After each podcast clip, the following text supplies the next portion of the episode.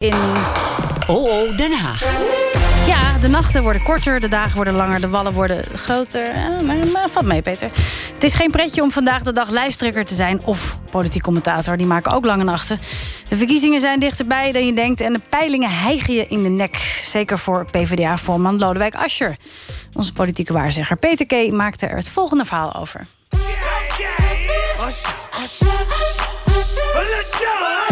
Wat u doet is een tikje arrogant. Een enorme grote bek over de morele crisis. Boom. U gaat weg en de spaarpot is leeg. Het is een babbeltruc. Een slap aftreksel van populisme. Waar was je dan? Ik ben een ontzettende knuffelbeer. Dat is absoluut waar. Ja, ik ben eigenlijk vrijwel altijd aardig. Hij lijkt dan wel lief, maar Asje gaat in de aanval. En verder dan je van een vicepremier zou verwachten. Maar goed, je bent klein en je wilt wat. Ja, we gaan meteen naar het nieuws van vandaag. Volgens de laatste peiling van Ipsos wordt de VVD de grootste partij met 28 zetels. En de Partij van de Arbeid stevend af op een historische verkiezingsnederlaag. Lodewijk Asscher houdt natuurlijk moed en denkt dat zijn Partij van de Arbeid zelfs de grootste wordt. Ja, nou ja, kijk, we hebben net... En is dat uw verwachting of is dat uw hoop? Het is mijn voorspelling. En dus de premier mag leveren? Ja, als dat moet, dan doen we dat, hè? De Partij van de Arbeid is de zevende van Nederland in de peilingen. Historisch laag. En dat is niet waar Asje voor tekende toen hij de lijsttrekkersstrijd met Samsom aanging. Goedenavond, dames en heren. Hartelijk welkom bij dit eerste PvdA-lijsttrekkersdebat. Asje vliegt er met gestrekt been in. Hij debatteert fel en filijn. Niet de verwachte stijl van de staatsman. Hij is de ogenschijnlijk beschaafde politicus met een killermentaliteit. Uiteindelijk wat mensen willen zien in de Partij van de Arbeid... zijn onze principes en onze waarden. En die moeten ze, eh, daar moeten ze op kunnen vertrouwen dat die niet onderhandelbaar zijn. Blijkbaar zien ze dat niet in de manier waarop de partij nu functioneert. En het zit hem ook in of je het samen doet. Mensen hoort voordat je een besluit neemt. Met filijnen steken onder water schakelt hij Samsom uit. Maar hij ondermijnt ook zijn eigen positie. En het gewenste effect blijft uit. De PvdA moet midden in de aandacht staan. Nou, mooi niet dus.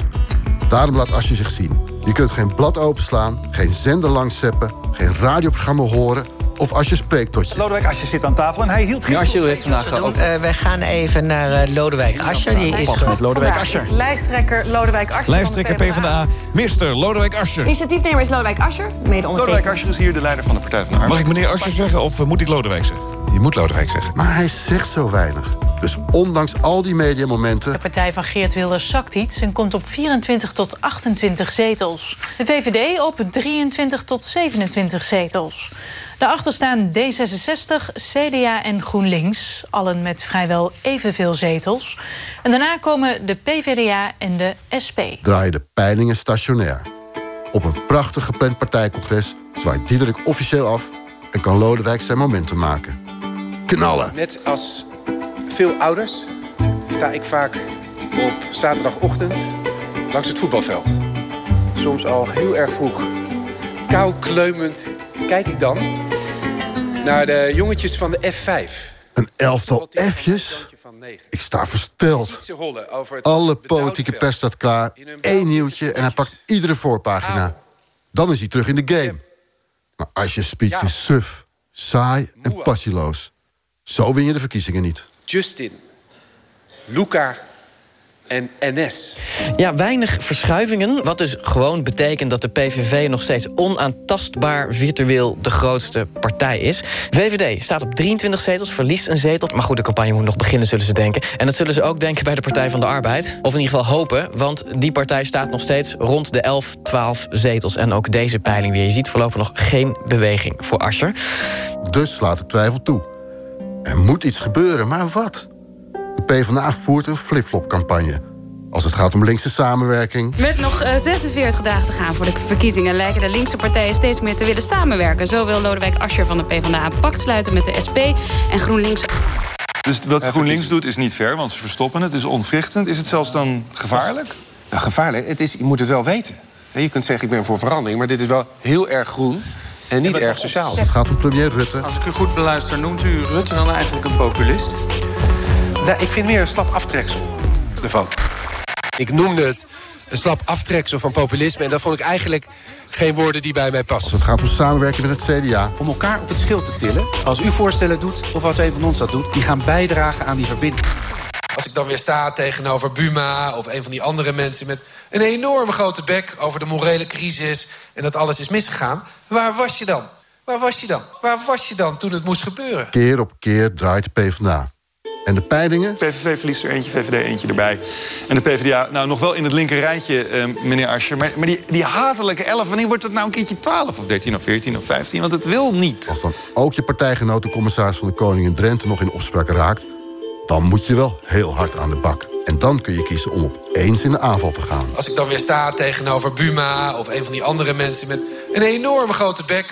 Hmm, dat is geen taal voor een premierspresident. Het verhaal van Asscher is als een dwarrelend herfstblad... dat langzaam van kleur verschiet. Van rood naar geel naar grijs. Iedere campagne draait om één gamechanger. Ja. En mensen denken vaak dat dat die grote televisiedebatten zijn. Dat is heel erg oud denken. Dat is echt 2012 achter. Het is tijd voor een gouden greep. Gepassioneerd een kraakheldere boodschap preken. Of hij moet nu een konijn uit de hoge hoed toveren. Zoals Wouter Bos Job Cohen premier lanceerde... kan hij nu totaal verrassend Frans Timmermans als verlosser op het schild hijsen. En als zijn premierskandidaat naar voren schuiven. Want iemand die het impopulaire Europa kan verkopen... moet zelfs de PvdA op de kaart kunnen zetten. En dat is zeker ook het risico eh, met Brexit in het Verenigd Koninkrijk. Samen komen hier verder. Eerlijk delen, zorgen dat we de lasten delen en ook... Ander- Hij moet gewoon weer terug naar de landelijke Sorry, politiek. Anders komen, anders komen hier niet uit. Alleen komen we hier niet uit. Kom toch terug naar de nationale politiek. Ik neig naar een klein applausje. Ja, Ja, ja, dat zeker. Ja, mooie reconstructie van Peter K. en David van der Wilde. Meegeluisterd heeft natuurlijk Peter K. en mediastratege, spindokter en politieke junk. K. van der Linden, Kai van der Linden. Hi, goedemiddag Kai. Goedemiddag. Hi, Ehm, ja, zou het helpen? Timmermans, terug. Nou, ik- mijn goede vriend Erik van Brugge die zegt altijd over de Partij van de Arbeid... ze zijn heel goed in tactiek en slecht in strategie. Dus ze, zijn, ze bedenken dan een stuntje. Eh, Wouter Bos die Cohen op het schild hijst... in de hoop dat hij premier wordt, lukt dan net niet. En dan weet hij de prijs van een halfje brood niet... en zakt hij door het ijs. Eh, Diederik- dat, was, dat was weer iets later. maar en en eh, Di- Diederik Samson in de lijsttrekkersverkiezing met het eerlijke verhaal. Eh, u wordt voor ons afgeslacht, want eh, eh, het, het nog eerlijkere verhaal zou dan van, eh van Asscher eh, moeten komen. Maar ja, daar trapt de kiezer natuurlijk niet in. Hè? Ik bedoel, daarvoor eh, kennen ze de partij te goed. Mhm. daarvoor zi- zijn ze het te zat. Ze nemen de Partij van de Arbeid intrinsiek kwalijk dat ze gewoon geen goede antwoorden hebben geformuleerd op thema's als immigratie, eh, Europa, weet je, dat, dat soort dingen, identiteit. Ehm, dus met, met poppetjes schuiven gaat hem niet. En dat bedoel ik met tactiek versus strategie. Strategie lange termijn en dat werkt niet. Dus kijk, tactiek jij. is met poppetjes schuiven. Ja. Strategie, er moet gewoon een goed verhaal komen. Maar ja, maar, nou ja, maar dan toch. Ik bedoel, we hebben het hier ook wel eens over tafel, aan tafel gehad over Abu Taleb. Dat, dat, natuurlijk, het is een poppetje, maar daar kan je wel heel veel lange termijn Ja, voordelen kunt aan vastplakken. Ja, je kunt er kan niet je wel dat dat geen, geen rol speelt. Ik bedoel, ehm, een aantrekkende lijsttrekker, dat scheelt zomaar eh, 10, 15 zetels. Nou ja, Dat kijk, kan heel wat- veel veranderen. dat is ook zo. En, En- dat is in dit geval, in deze verkiezingen, scheelt 10, 15 zetels... of je de grootste partij wordt of de kleinste partij. Precies. Kijk, de Partij van de Arbeid had natuurlijk gehoopt dat die lijsttrekkersverkiezing tot een soort reuring zou leiden. Mhm. eh, wat een, een kickstart zou geven aan de campagne van de winnaar. eh, of het nou Samson of, of Asscher Ja. werd. Ehm, en dat is natuurlijk Valika mislukt, omdat ze in die lijsttrekkerverkiezing te bang waren om de, de strijd op te zoeken. En dat vind ik Dat wel heeft Asscher interessant. toch gedaan? Nou, hij heeft net genoeg strijd gevoerd dat ze binnen de PvdA er boos van werden. Maar mijn schoonmoeder had niet in de gaten dat er een lijsttrekkerscampagne was. Ja, maar je moet echt zelf strijd voeren betekent dat we het iedere keer Ja. bij- aan tafel bij talkshows en radioshows hebben. Nou ja, maar dat is inderdaad. Waarom zaten ze niet bij Pauw bijvoorbeeld? Nou, met die lijsttrekkers. eh, Ik kan je verzekeren dat we ze wel degelijk gevraagd hebben. Ja. Maar, ehm, en dat we zelfs bereid waren om een tv-debat met ze, met ze aan te gaan. Dus Ja. eh, er echt goed de tijd voor te nemen. Maar eh, vooral team Asje had daar helemaal geen zin in. Die wilde die, die strijd niet vergroten. En ja, terwijl je inderdaad een groot evenement van had moeten maken. Nu heeft bijna niemand in de gaten gehad dat die, dat die lijsttrekkersstrijd überhaupt Ja. plaatsvond. Dus dat is er fout gegaan. Nou, hij wilde, fout, niet, hij wilde niet het imago hebben van broedermoord. Ja. Dat was, daar, daar waren ze binnen de Partij van de Arbeid erg bang voor.